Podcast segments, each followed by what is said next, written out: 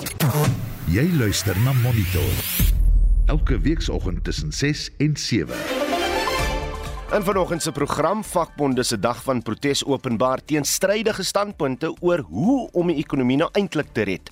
Die geskorste openbare beskermer, Bosisiwe Mqobane, word van 'n onbuigsame en onsensitiewe bestuurstyl beskuldig. If I do not get the formal report today, I will have no option but request the acting CEO to initiate disciplinary process. The others, I want them by tomorrow. If nothing is delivered, I will also take action. En strenger beheer oor die R350 toelaag gaan voortaan uitgeoefen word. Daar is mense wat op die stadium buite staan en wat nie werk gaan soekie. En ons is net bekommerd dat daar geld elke keer uitgegee word sonder dat mense werklik iets daarvoor doen. Welkom by Monitor. Vanoggend se redakteur is Hendrik Maat en ons produksieregisseur is Daitron Godfrey en ek is Udo Karlse.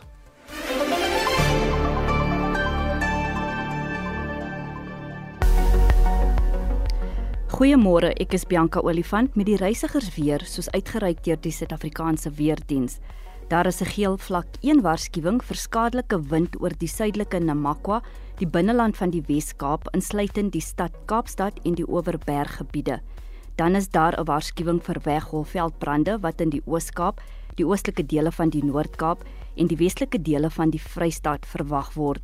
Hier volg die minimum en maksimum temperature. Pretoria 825, Johannesburg 723, Vereniging 624 en Mbombela 1026, Polokwane 825, Mahikeng 725, Vryburg 628, Bloemfontein 127 en Kimberley 828, Appington 823, Kaapstad 1316, George 1123, Kibega 1424 en Wes-London 1831, Durban 1533, Richards Bay 1530 en Pietermaritzburg 1130. Vir meer inligting, besoek die weerdiens se webwerf by www.weathersa.co.za.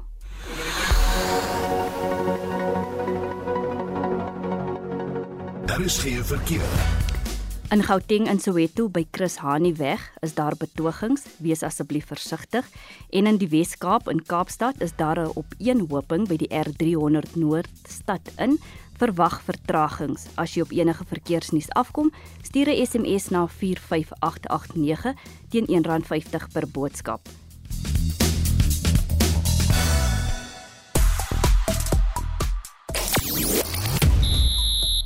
‘n Reeksoorwinning is moontlik vir die Proteas wanneer die tweede toets teen Engeland later vandag begin. Mamelodi Sundowns, Orlando Pirates en Royal AM C4 in die DStv Premierliga en die Springbokke bevestig 'n wedstryd teen die Ierse span Munster. Ek is Shaun Joosten is later terug met meer inligting. In sosiale media is die hitsmerk National Shutdown en South Africans baie gewild met 32000 tweets elk dit oor gister se nasionale staking wat in al 9 provinsies plaasgevind het. Vandag 25 Augustus is tweedehandse klere dag. Nou, hoeveel stylvolle dieruitrustings wat byna nooit gedra is nie, hang in klerekasse bloot omdat die eienaar dalk te vet of te maar is vir die klere. Uh dalk is dit klere uit 'n boedel. Sou dit benede jou wees om iemand anders se ou klere by 'n tweedehandse winkel te koop? Of is jy die soort mens wat gehalte in so 'n winkel kan raak sien? Maar wat gemaak van die mensgeur of mensereuk wat dalk aan die klere kleef? Ek kan net ons redakteur maar Hendrik Maarten wees. Laat weet wat jy dink. Stuur 'n SMS na 4588919 R50 per boodskap of praat saam op Monitor en Spectrum se Facebookblad. Monitor jou oggendnuusprogram op RSG. Byna 12 minute oor 6. Die parlementêre ondersoek na die bevoegdheid van die openbare beskermer Bosisiwe Mqobane om die ampt te beklee, het gehoor dat sy amptenare in haar kantoor met onbuigsaamheid en onsensitiwiteit behandel het. Dit het veral te doen met die indien van verslae. Die uitvoerende bestuurder vir ondersoeke, Pona Mogaladi, het die komitee van twee sulke voorvalle vertel.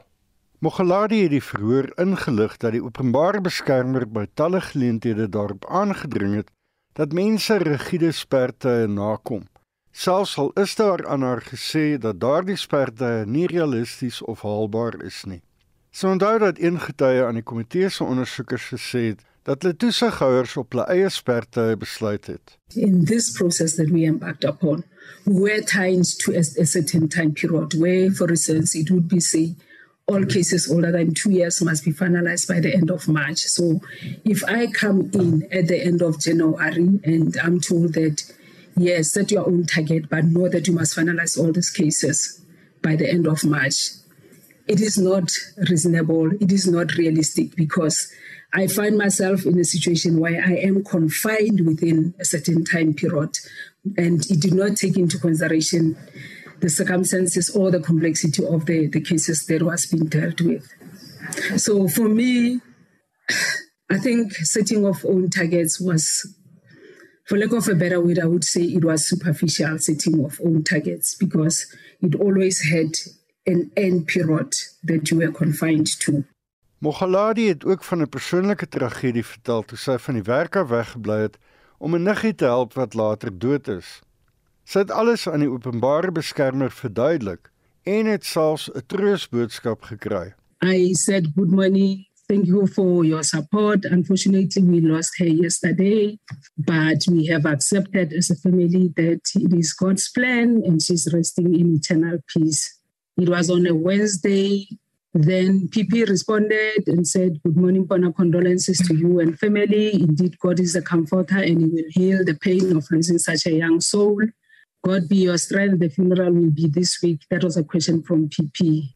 Maar die volgende dag toe sy gereed gemaak het om die begrafnis by te woon, het sy 'n boodskap van die openbare beskermer gekry wat verslae geëis het. Then the following day on Thursday the 19th of April I received this WhatsApp message from PP saying Bona can I have all the letters and reports pending she listed all the matters that she wanted from me at that point in time.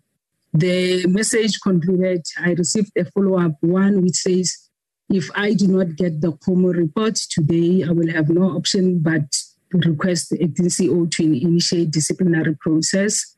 The others, I want them by tomorrow at 14 hours. If nothing is delivered, I will also take action. Die ander voorval was met 'n senior ondersoeker, Abongile Madiba. Madiba het beroerte gehad en het gesukkel om sy pligte uit te voer. Hy en Mogaladi is weens pligversuim afgedank. As someone who had diligently served the office, there was no sympathy on the part of the office at the time, and especially when it came to, to charging Mr. Madiba. He struggled to come to terms. He was really struggling, and probably that's why he couldn't even take the, the issue of the dismissal. Throughout, as we were going through the, the suspension, he kept on, his greatest fear was losing his job because he really felt that he would not be able to afford medical attention that he required as a result of his condition. So he passed on, unfortunately, a month after the hearing. And from my interactions with her, even after the dismissal, he passed a very sad and a broken man. Dit was die uitvoerende bestuurder vir ondersoeke by die openbare beskermer, Bona Mogaladi, wat daardie verslag van Joseph Musia afgesluit het. Ek is Hendrik Martin vir SAK nuus. Meer as 100 drankhandelaars in die Kaapse Metro sal moontlik nie meer hul ondernemings kan bedryf nie nadat sommige skuldig bevind is aan die verkoop van drank aan minderjariges terwyl ander berispe is omdat hulle buite handelsure werk. Die drankhandelaars sê dat artikel 64 van die provinsiale drankwet hulle volgende jaar buite aksie kan stel. Die wet beteken dat drankoperateurs wat voorheen die wet oortree het, die owerhede weer sal moet oortuig dat hulle bevoeg is om drank te verkoop. Marigan Allen, die LER vir gemeenskap gemeenskapsveiligheid en polisieering het 'n ander siening.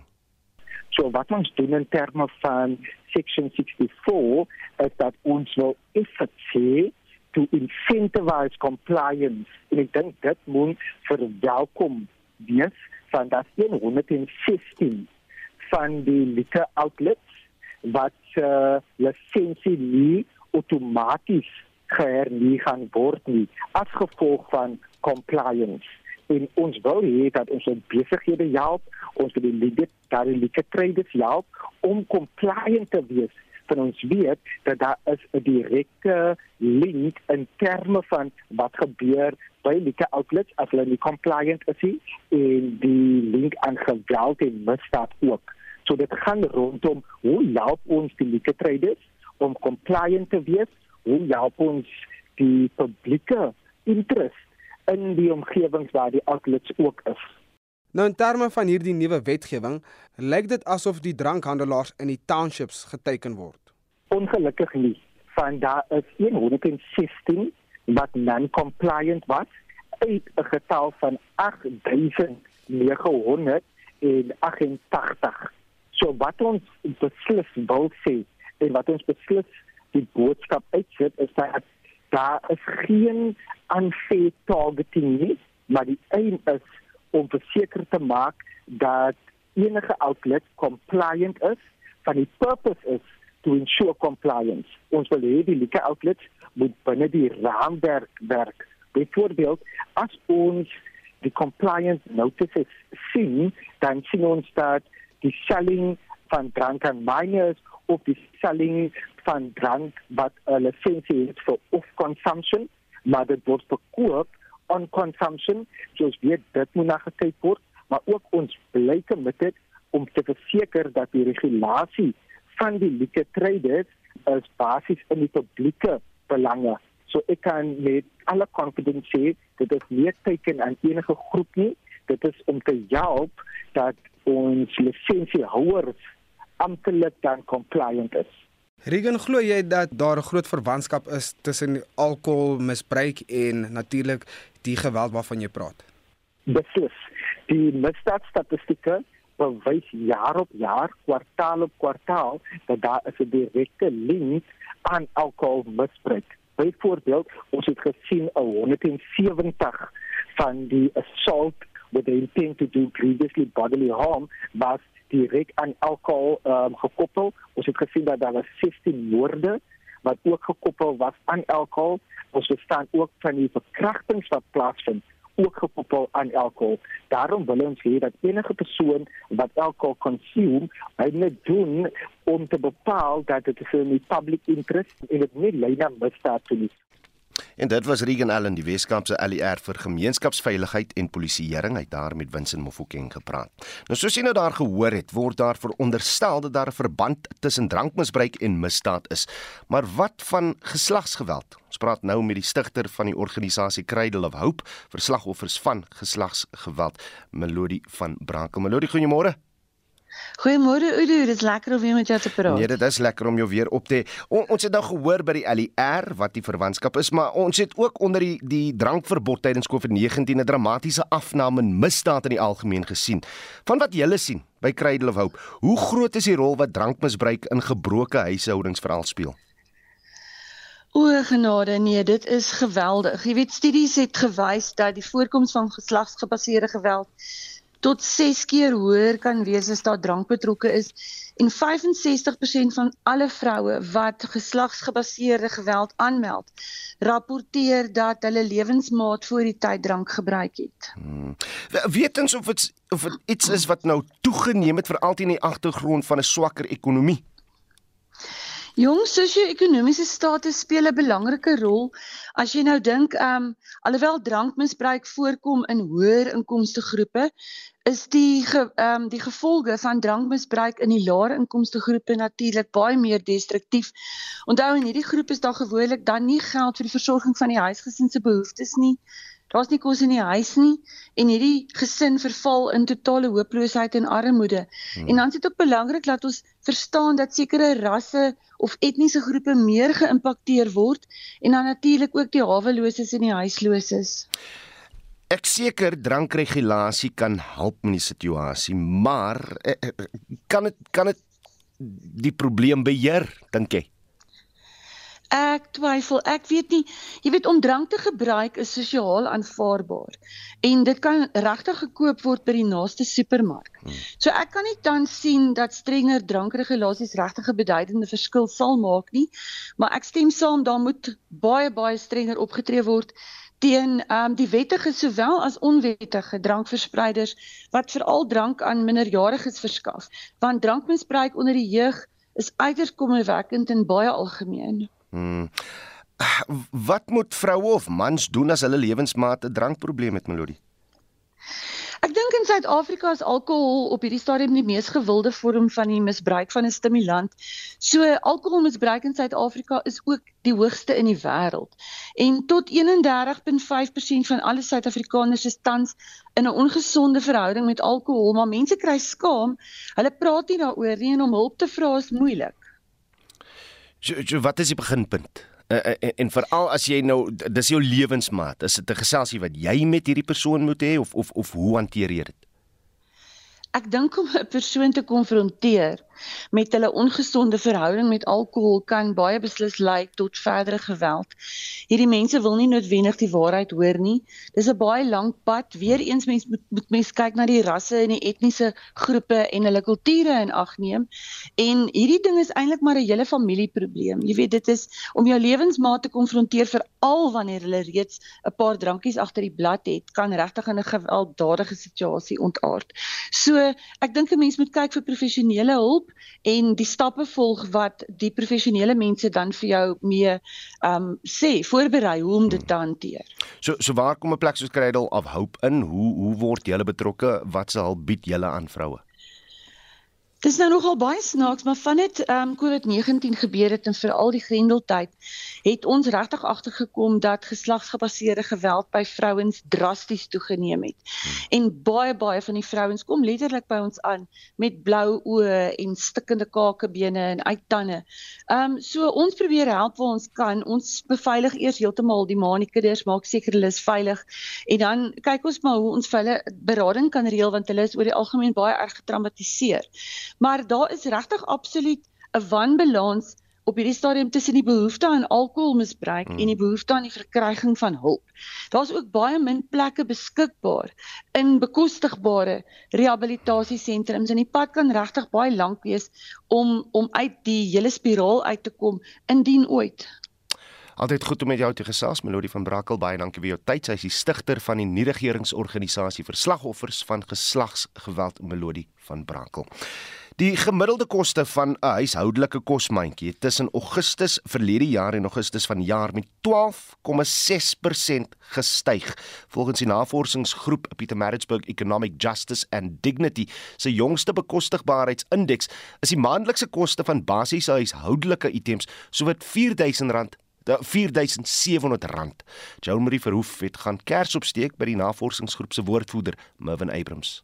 Die kosmandjie bestaan uit 44 baie basiese kosse en dit sluit in mieliemeel, botter, rys, koekmeel, suiker, kookolie, aardappels, eie, sout, wonderstukkies, melk, 2 kg beef, 2 kg bors 60 eiers en dan 6 kg tomaties en wortels en butternut tint poached canned beans, peanut butter, bologna, wit en bruin brood. En hierdie mandjie staan nou in Augustus op R4775.59.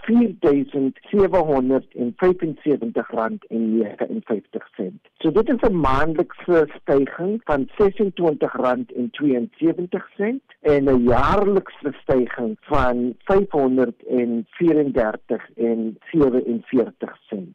Wat is van die ander sleutelbevindinge? Ons sien nou dat die inflasiekoers op ons mandjie begin te stabiliseer. Oor die laaste 2 maande het ons gesien dat die maandelikse stygings bietjie minder en minder word. Hierdie maand is dit 0.6%. Verlede maand was dit 1.2%. So ons begin om te sien 'n stabilisering in die pryse, maar natuurlik dit is klaar op 'n baie hoë base. En nou met die stygings van elektrisiteitspryse en natuurlik ook vervoerpryse gestyg het in in die begin van Julie, beteken dit steeds dat huishoudings in hulle self vind in 'n financial crisis. So daar is nie eintlik meer geld oor al stabiliseer die voedselinflasie. Die elektrisiteit en vervoerkoste vat omtrent 58% van die nasionale minimumloon van omtrent 4081. So eintlik beteken dit dat die finansiële krisis iets hoog en dit eintlik gestyg al kom die prys van kos af. Is daar enigsins 'n bietjie goeie nuus? Wel, dit het ons het gesien 'n daling byvoorbeeld in die petrolpryse op die global markets. Ons het ook gesien begin sien dat daar daling is van die global commodity pryse, byvoorbeeld met wheat pryse het afgekom, die sunflower pryse het afgekom. Natuurlik die situasie in Rusland en die Oekraïne, ek kan daarom nou deur die swart see kom en van die som van daardie commodities nou in, op die internasionale global markets bring. So wat dit eintlik beteken is dat daar daling gesien het in wêreldpryse en so ons verwag ook dan natuurlik 'n daling in die Suid-Afrikaanse pryse. Hierdie is alles van die redes wat gegee word vir vandag se nasionale staking. Het jy enigsins 'n kommentaar daarop? Ja, wat ons eintlik gesien het is dat vir die laaste 6 of so jaar het die regte waarde van lone het eintlik gedaal. En wat dit beteken al kry 'n werker 'n CPI stygings elke jaar en ons weet natuurlik dat baie werkers het nie gekry het hierdie jaar nie maar al kry hulle 'n CPI inflasiekoers stygings op hulle lone beteken dit steeds dat hulle lone agteruit gaan van werkers spandeer meeste van hulle geld op daardie dinge wat die hoogste styg. En dit is byvoorbeeld elektrisiteit vervoer en kospryse. Dit wil sê dat die waarde van hulle lone natuurlik minder en minder word elke jaar en dit is die rede natuurlik nou vir hierdie national shutdown. Mervin Abrams is die programkoördineerder by die Pietermaritzburg Economic Justice and Dignity Navorsingsgroep. Joan Marie Verhoef het met hom gepraat. Besonderhede oor verskeie nuwe regulasies om die betaling van die R350 toelaag te bestuur is Dinsdag in die parlement met die gekose komitee vir gesondheid en maatskaplike dienste gedeel. Die nuwe regulasies vereis dat begunstigdes van die toelaag nie op 'n onredelike wyse weier om werks of opvoedkundige geleenthede te aanvaar nie. Daarby moet begunstigdes elke 3 maande bevestig of hulle nog die toelaag nodig het. Die Weskaapse leier van ICOSA, David Kamfer, verduidelik verduidelik wat die nuwe regulasies behels. In die eerste plek verwelkom die kouse enige enige hulp van die regering vir die arme mense op die grond. En R150 sal vir mense baie beteken. Maar daar is ook 'n ander kant van die koin wat ons versigtig voor moet wees. En die kouse sê daar is mense wat op die stadium buite staan en wat nie werk gaan soekie. En ons is net bekommerd dat daar geld elke keer uitgegee word sonder dat mense werklik iets daarvoor doen. Ons is dus die veronderstelling of dat daar moet werksgeleenthede geskep word sodat die die mense op 'n lang termyn hulle self kan onderhou winsin. 'n Nuwe voorstel wat gemaak is by hierdie nuwe regulasies dat 'n werknemer nie onredelik kan weier om werks of opvoedkundige geleenthede te aanvaar nie. Mense sal dink dat in hierdie swak ekonomiese toestande dat mense sal wil werk. Is dit dan nie die geval op die grond nie? maar dit is winsin is is ek net baie tricky one en ek weet nie hoekom en waarom daai regulasie dan ons weet eengesit is nie. Maar as ek weer sê is mense welkom enige hulp van die regering se kant af en terwyl jy sê werkloosheid is groot en as min werk in die land, maar ons moet net versigtig wees ek sê om dan nie mense elke keer daar's 350 rand gegee. Daar's steeds mense wat wag vir dit. Weet jy wat word van die geld nie? Hier kom 150 rand. Hoeveel van hy geld wat mense kry wins in? Waar gaan dit uitkom? Dit verdwyn net langs die pad en dit kom baie keer in elke geval nie by die mense uit wat dit dan nodig het nie. Moet begunstigdes nou weer aansoek doen vir 'n maatskaplike toelaag? Nee, ek dink die mense moet weer aansoek because Sê maar mense kry ek maak 'n voorbeeld, sê maar mense kry dan nou R350. Hoekom sal hy aan hoekom sal hy dan moet aansoek doen vir R150 terwyl hy R350 kry of 600 en iets rand kry? So ons stem nie saam met die wetgewing se verandering op die stadium nie. Want dit is weer gesukkel want dit is klaar moeilik vir mense om aansoek te gedoen het vir die R350 of die 600 en iets rand Nou is dit weer geval dat mense met weer 'n ry gaan staan. Mense moet weer sukkel om aansoek te doen. Hulle kla self niksie. So hoe gaan hulle nou nog weer nadat hulle reeds gesukkel het? Hoe gaan hulle nou weer aansoek doen as dit weer gesukkelry om by daai geld uit te kom? Hoe raak die voorgestelde regulasies ook die begunstigdes? Want Zulu het van dese maand voorgestel dat die toelaag tot R624 per maand verhoog word. Maar dit beteken dan enige iemand wat soveel geld per maand maak, dan nie kwalifiseer vir toelaat nie. Ek weet nie hoekom hulle dit so moeilik maak dan vir die begunstigdes op die stadium nie. Mense wat dan aansoek doen vir 600 dan as ek aansoek doen, gaan ek in elk geval aansoek doen vir waar ek die meerderheid geld kan kry. As ek 600 iets rand gaan ek mos nie aansoek doen vir 150 rand nie. So dit is 'n baie triekie een en ek weet nie hoekom en waarom hulle dit hulle dit so moeilik maak dan vir die begunstigdes wat al klaar op die stadium swaar kry nie. En dit was David Kamfer, die Weskaapse leier van Ikosa wat met Vincent Mofokeng gepraat het. Jy luister na Monitor. Elke weekoggend tussen 6 en 7. 632 in die hoofnuus gebeure. Die leier van die EFF, Julius Malema, en die EFF parlementslid Mbuyiseni Ndlozi sal vandag weer in die Johannesburgse Hooggeregshof verskyn vir die uitspraak in die verhoor oor die sing van die lied Tubulu Ibunu, oftewel Kill the Boer. Oekraïne sê minstens 22 mense is dood in 'n Russiese missielaanval op 'n treinstasie in die dorp Chaplin in die ooste van die land. En die Springbokke het 9 jaar laas in Australië teen die Wallabies gewen. Is dit 'n droogte wat hulle hierdie naweek gaan breek? Ek dink een van die redes daarvoor is dat hulle baie keer in Australië se hande inspel. Verlede jaar kon mense sien in die twee toetse teen die Aussies het hulle probeer om die bal bietjie meer lig te gee.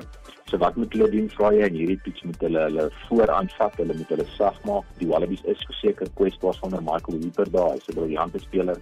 Bly ingeskakel. Daar is geen verkeer. In Gauteng in Johannesburg op die N12 Oos net voor die Elands wisselaar staan daar 'n vragmotor in die linkerbaan. As gevolg van beerdkrag is daar verkeersbeamptes aan diens by die N1 Noord en Olifantsfontein wisselaar, Ellendale en Dane en Ou Pretoria en Leroe wisselaar. As jy op enige verkeersnuus afkom, stuur 'n SMS na 45889 teen R1.50 per boodskap.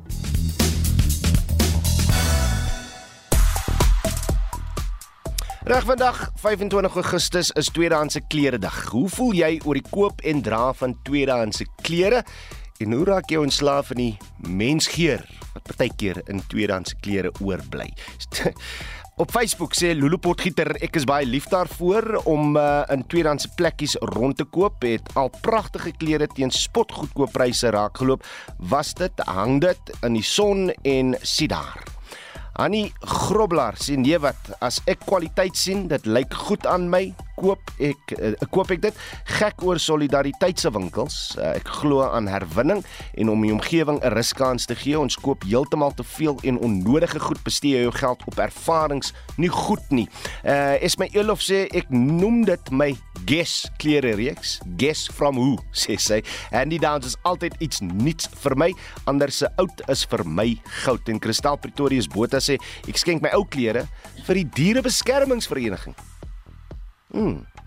En koop gemaklik iets wat reg of mooi is. Nee goed, stuur nog van julle terugvoer. Baie lekker om by julle te hoor, om van julle te hoor. Ja, julle SMS op 4588919 R50 per boodskap en jy kan nog saampraat op die Monitor en Spectrum Facebookblad.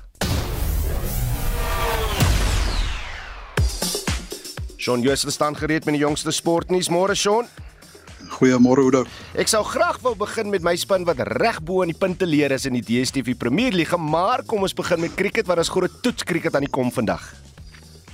Ja, dit is die tweede van drie toetse tussen Engeland en Suid-Afrika wat op Old Trafford in Manchester gespeel word. Die toets begin 12:00. Nou ons onthou die Proteas het die eerste toets op Lords vir spot maklik met 'n beurt en 12 lopies gewen en die twee ekstra rus daar ingekry. Nou wat nodig is is dieselfde intensiteit en akkuraatheid van ons bowlers terwyl die Colvers ook natuurlik hulle kant moet bring.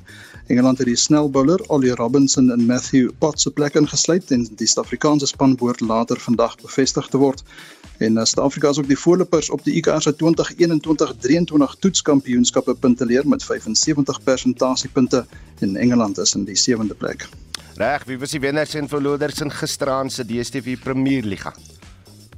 Mamelodi Sundowns het Stellenbosch FC met 'n 3-0 afgeronsel. Hulle is nou tweede op 10 punte. Dan het Orlando Pirates en Royal AM uh, onderskeidelik vir Marumo Gallants en Maritzburg United met 1-0 geklop. AmaZulu het 1-0 teen Golden Arrows en Richards Bay ook 1-0 teen SuperSport United verloor en Chip United en TS Galaxy kon geen doele teen mekaar aanteken nie Ja, Orlando Pirates is nou die nuwe voorlopers op 11 punte.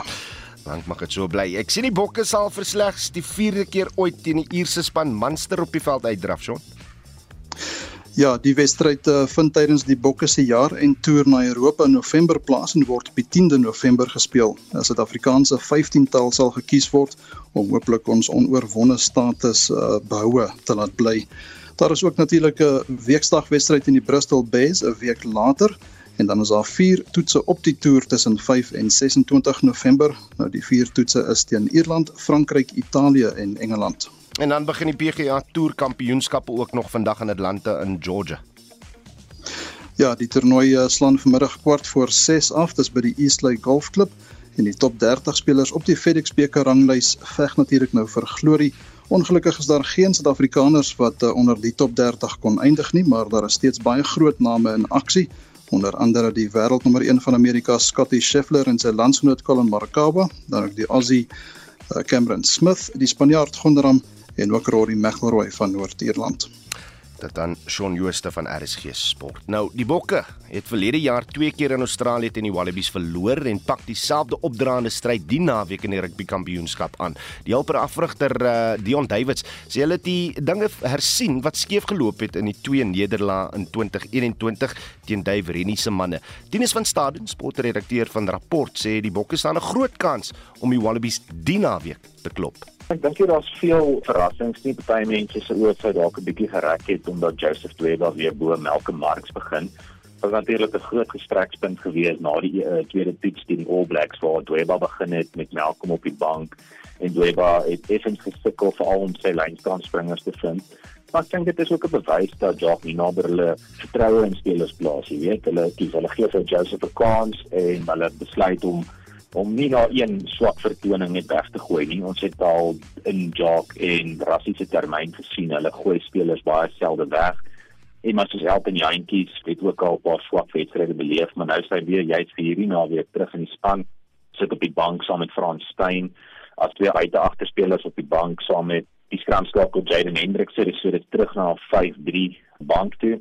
En ja, natuurlik die bomskwad met Malcolm Marx wat sy werk in die tweede helfte saam moet doen regtig veel begin waar dit geland want dit is maar 'n noodgedwonge plaasvervanger nadat daar 'n hele klomp beserings op regtig veel was. Eers het Jason Kobe seer gekry toe Curtis Arons het toe Jesse Kriel ek dink as 'n mens die league sê het om iemand soos Warwick geland as jy vierde keer sit te sien ek weet hy speel nou buite posisie maar hy ken ook vir Damian Williams op heel agter baie goed. Hulle speel saam by die Stormers so ek glo hulle kan hulle samespel gaan baie goed wees.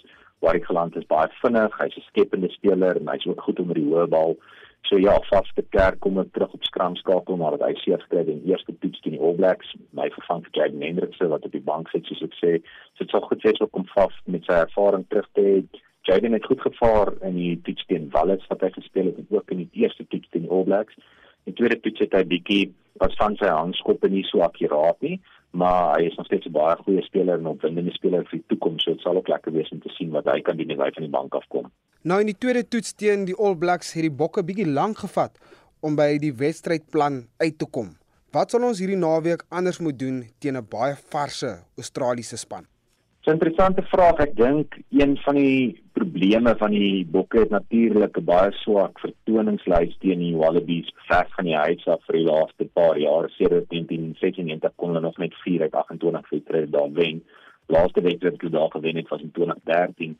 Ek dink een van die redes daarvoor is dat hulle baie keer in Australië se hande inspel. Verlede jaar kon mense sien in die twee toetse teen die Aussies het hulle probeer om die bal bietjie meer lig te gee. So wat moet hulle doen? Vra jy in hierdie toets moet hulle hulle vooraanvat, hulle moet hulle sag maak. Die Wallabies is verseker kwesbaar sonder Michael Hooper daar. Hy's 'n briljante speler. Hulle sonder Shamu Karevi op binnesenter wat ook hy was 'n 'n groot groot faktor gewees in daai twee toetse verlede jaar wat die Bokke die onder verloor het. En dis ook sonder Kate Cooper wat verlede jaar ook 'n groot impak gehad het toe hy in die Bokke gespeel het. So, hulle sal reguit moet speel, hulle sal direk moet speel, hulle sal die reg moet verdien om wyd te gaan wanneer hulle kan. Ons het nou in die tweede toets ook gesien dat die Bokke hierdie vermoë om wyd te speel, hulle die All Blacks gereeld op die vleuel geklop.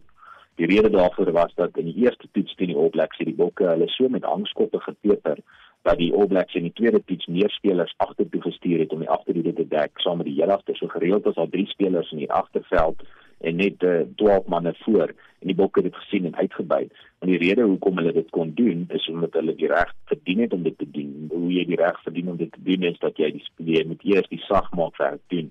En ek dink dit is die groot groot geheim vir Saterdag se toets. Die bokke moet direk speel, scrums behoort die bokke te bevoordeel, lynstaane dryfmaalbewegings die kort aangee van die scrum skakel af na die twee spelers toe rondom afbreekpunte om metersveld te wen. Vra die Wallabies om bietjie duikslae uit te voer, maak jy afbreekpunte goed skoon en as jy dan die geleentheid kry, kyk of jy die bal wyd kan stuur andersins toets die Wallabies se vleuels en hulle heel agter met hangskoppe. Laat jou vleuels meeding om daai balle en probeer besit ver terugwen of groot druk toepas. En ja, die tel word aan die rol en ek glo dan loer die bokke die knop te kan deurraak. Nou Tinus, op wie sit jy jou geld hierdie naweek? Bokke, ek ek dink die Bokke behoort te wen as hulle net naaste by volgens hulle potensiaal speel behoort hulle vloek in Australië te verbreek en dink hulle behoort 'n gerieflike oorwinning van omtrent 15 punte te behaal as hulle regtig goed speel volgens hulle potensiaal. En dit was Dennis van Staden en die sportredakteur van Rapport wat met ons Vincent Bofokeng gepraat het.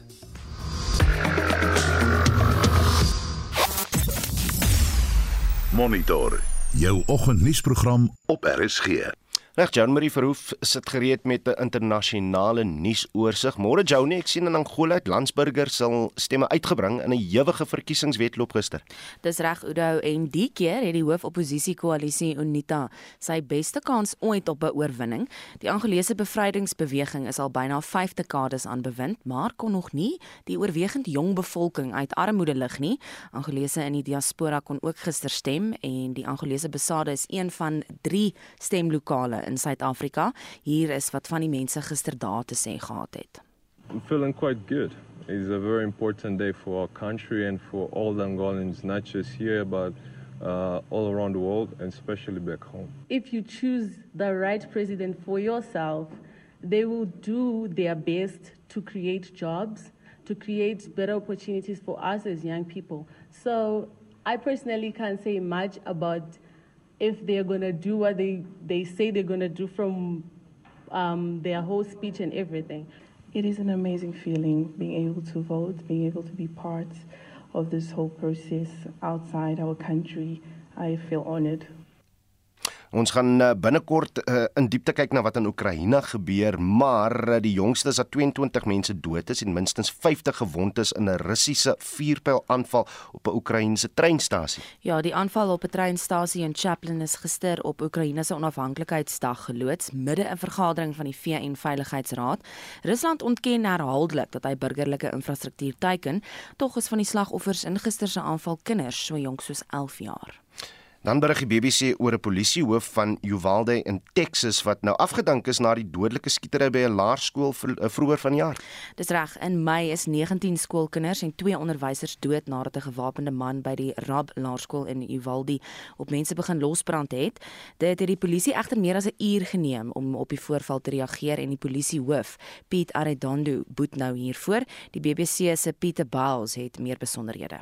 It was the deadliest school shooting in the United States in almost a decade. A rampage in the small town of Uvalde, where there's been growing pressure for the police to be held accountable. Shortly after the shooting, it emerged that it was 77 minutes before officers at the scene breached a door to the classroom where the massacre happened. Pete Arredondo did not attend the public board meeting to decide his future.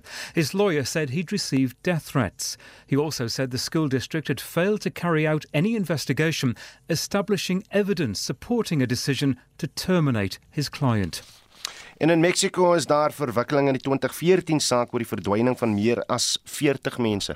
Ja, 43 onderwysstudente het in 2014 verdwyn terwyl hulle deur die stad Iguala gereis het op pad na 'n betoging in Mexiko-stad. Nou 8 jaar later is Mexiko se voormalige prokureur-generaal Jesus Murillo Caram in hegtenis geneem. Hy het die aanvanklike ondersoek na die studente se verdwyning gelei. Hy word egter nou aangekla van onder meer ontvoering en marteling. Hier is die BBC verslaggewer in Mexico, Marcos Gonzalez. He was arrested for allegedly creating a false version of events. According to that version, students were kidnapped by local police and turned over to a drug gang who killed and burned their bodies at a rubbish dump. But further official investigations found that to be untrue. Instead, it was revealed that several levels of authorities were involved. Crime scenes were changed and some witnesses were tortured. En dis Marcos Gonzalez, 'n verslaggewer vir die BBC in Mexiko. En dit was John Marie Verhoef met 'n internasionale nuusoorseig. Die Oekraïense president Volodymyr Zelensky het Moskou gewaarsku oor 'n kragtige reaksie as Russiese magte verskerpte aanvalle sou loods. Dis nadat Rusland die land 6 maande gelede binnegeval het. Ons praat nou met 'n professor van die fakulteit krygskunde by die Universiteit Stellenbosch, Abel Esterhuizen. Abel, goeiemôre. Goeiemôre. Ons het nou net in ons nuusoorsig uh, gesien hoe Rusland uh, herhaaldelik ontken dat hy burgerlike infrastruktuur teiken, uh, teiken maar tog uh, doen ons nou vanoggend 'n uh, verslag oor hierdie hierdie die, die teikening van 'n van 'n treinstasie. Wat sê jou mening daaroor? Ja, dis maar 'n artillerieoorlog wat ons op die oomblik sien uitspeel. Artillerieoorlog is aan die een kant 'n onakkurate oorlog vir alles mense in gedagte hou dat die Russiese artillerie maar nog 'n vorige generasie artillerie is. Maar 'n mens moet ook in gedagte hou dis 'n uitputtingsoorlog en dit bring die Russiese ekonomie in spel, dit bring die Russiese produksievermoë in spel en dit bring die uh, Russiese operasionele opstapeling van voorrade, veral uh, artillerie ammunisie in, in spel. En ek weet hierdie is nou 'n 'n enkele aanval, maar die eintlike vraag wat 'n mens hier moet vra en is hartseer dat dat burgerlikes dood is, maar die eintlike vraag wat 'n mens moet vra gaan oor Rusland se vermoë om uh hierdie tipe van aanvalle operasioneel te kan volhou. En en dit dink ek hang 'n groot vraagteken op oor uh, op die oomblik. Nou, kom ons kyk nou hoe Rusland gaan reageer op Zelensky uh, Zelensky se dreigement dat hy hard sal terugslaan op enige aanvalle uh, op op onafhanklikheidsdag. Ja, mense moet in gedagte hou hier's 'n hier's 'n uh, informasieoorlog wat gevoer word en en dit word gevoer deur beide die die Oekraïne en en Rusland. Dis natuurlik 'n dag van groot histories belang vir Rusland en uh, ag vir die Oekraïne en Rusland sal 'n sal 'n punt wil maak, maar ek dink die Oekraïne het gewys dat ehm um, hulle wel met met die vraag of met die wapens wat uh, die weste tot hulle beskikking gestel het, uh wel kan hard terugslaan as hulle dit moet doen en ek dink uh, dit is inderdaad wat ons gaan sien. Ek, ek dink seker die die die, die oorhoofse vraag hier van 'n Russiese oogpunt af Abel is of wat tans gebeur eintlik pas by die aanvanklike doel wat Putin gehad het toe hy 6 maande ingeval het? ja, dis 'n interessante vraag. Natuurlik is al baie geskryf oor ehm um, Rusland se doel die afgelope 6 maande. Ek dink persoonlik dit was 'n bietjie oor ambisieus. Hulle het meer afgebyt as as wat hulle kon kou dood eenvoudig op die verkeerde aannames gebas, uh, gebaseer. Hulle het hulle misreken met die weste en met die met Oekraïne se weerstand en in bereidwilligheid om weerstand te bied. Ehm um, daar's geen twyfel dat uh Rusland die Oekraïne ingeval het om ehm uh, die regering tot 'n val te bring en die land oor te neem nie. Maar uh, wat ons gesien het sedert uh, Februarie is 'n geweldige ironiese uitkoms van die oorlog in wese die regteenoorgestelde van wat Rusland hom ten doel gestel het. Dit was interessant hierdie week uh Dr Rob Johnson van die Universiteit van Oxford het vir my studente klas gegee en hy het die punt gemaak dat Rusland nog altyd oorlog op 'n op 'n strategiese vlak gevoer het en op 'n manier takties onbeholpe was en en dit vir my is die groot vraag op die oomblik hoe Rusland ehm um, sal kan terugkom sy produksievermoë weer kan in plek plaas en sy magte kan kan heropbou uh, en en kan terugkom in die oorlog in. Net so laaste vraagie en tyd is bietjie teen ons. Uh, maar Zelensky het gister gedreig Oekraïne uh, dat Oekraïne die Krim sal terugneem. Is dit militêr moontlik? Dit is militêr moontlik dink ek. Ehm um, natuurlik die Krimskiereiland geweldige simboliese waarde vir die Oekraïne wat uh, Rusland al sedert 2014 besef besef dit het strategiese waarde omdat dit vir hulle beheer sal gee oor die Swartsee gebied dit het ook strategiese waarde deurdat dit hulle in staat stel om die suide van die Oekraïne te te ehm um, te domineer. En natuurlik, jy weet, daar was 'n geweldige soos hulle deesdae na verwys, rassification 'n uh, 'n uh, 'n verrassing 'n uh, Russiese in in inpak op daardie streek wat ek dink hulle mee sal wil handel. So ja, ek dink dis moontlik. En so praat professor Abel Estreisen van die fakulteit Krygskunde by die Universiteit Stellenbosch. Abel, dankie vir jou tyd. Jy luister na Monitor. Elke weekoggend tussen 6 en 7. Ses mans wat in verband met die moord op die vletjieblaser Babita Diokaran aangeklaas, bly in aanhouding tot hulle weer op 6 Oktober in die hof verskyn. Die ses beskuldigdes het gister vlugtig in die Johannesburg se Hooggeregshof verskyn. Diokaran is voor haar huis in Johannesburg in Augustus verlede jaar doodgeskiet. Long live the spirit of Babita. Familielede van Babita, die Koran, het buite haar huis in Winchester Hills in die suide van Johannesburg op die presiese plek waar sy doodgeskiet is, bymekaar gekom. Die familiewoordvoerder is Tony Haripershad. We want the world to know that they may have silenced Babita as one voice that spoke out so courageously, but a million other voices have arisen not only in this country but all over the world. And our prayer as a family is that justice must prevail. Babita was 'n sleutelgetuie in die spesiale ondersoekeenheid se speurwerk oor die korrupsiebeweringe wat met persoonlike beskermingstoerusting verband hou. Sy het ook die sluier gelig oor twyfelagtige betalings by die Tembisa Hospitaal aan die Oosrand. Die regsverteenwoordiger van die ses beskuldigdes wat verskyn het, Shafiq Sali, het gevra dat die saak vir verdere konsultasie uitgestel word. My lady, it is correct. Uh, the matter was postponed into the area for us to finalize and confirm instructions. Regrettably, we've not been able to reach some agreement with the family and friends and the accused. We require more time, my lady. You will appreciate that it's uh, going to be a long trial. The state and I are canceled in agreement. We're looking at approximately eight to ten weeks of trial. The voluminous evidential material to study. Hy sê hy het van die bewysstukke eers 'n paar dae gelede gekry en dat sommige nog ontbreek. Die staatsaanklaer het bevestig dat 'n forensiese verslag nog ontbreek wat teen Vrydag beskikbaar sal wees. Meeste van die familielede in die hof was die van die ses beskuldigdes. Hulle word van moord, sameswering om moord te pleeg en die besit van 'n onwettige vuurwapen en ammunisie aangekla. Tsepo Pahani het hierdie verslag saamgestel. Mitsi van der Merwe, SAK nuus. Daar is geen verkeer. In Gauteng en Johannesburg is daar padwerk op die M1 Suid op pad na Main en Guldrief. Net een baan is bruikbaar, verwag vertragings.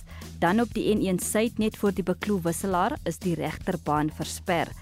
Dan in die Wes-Kaap in Kaapstad is daar 'n opeenhoping op die N7 Suid by die N1 stad in oprit. Ek is Bianca Olifant met die verkeersnuus op Monitor.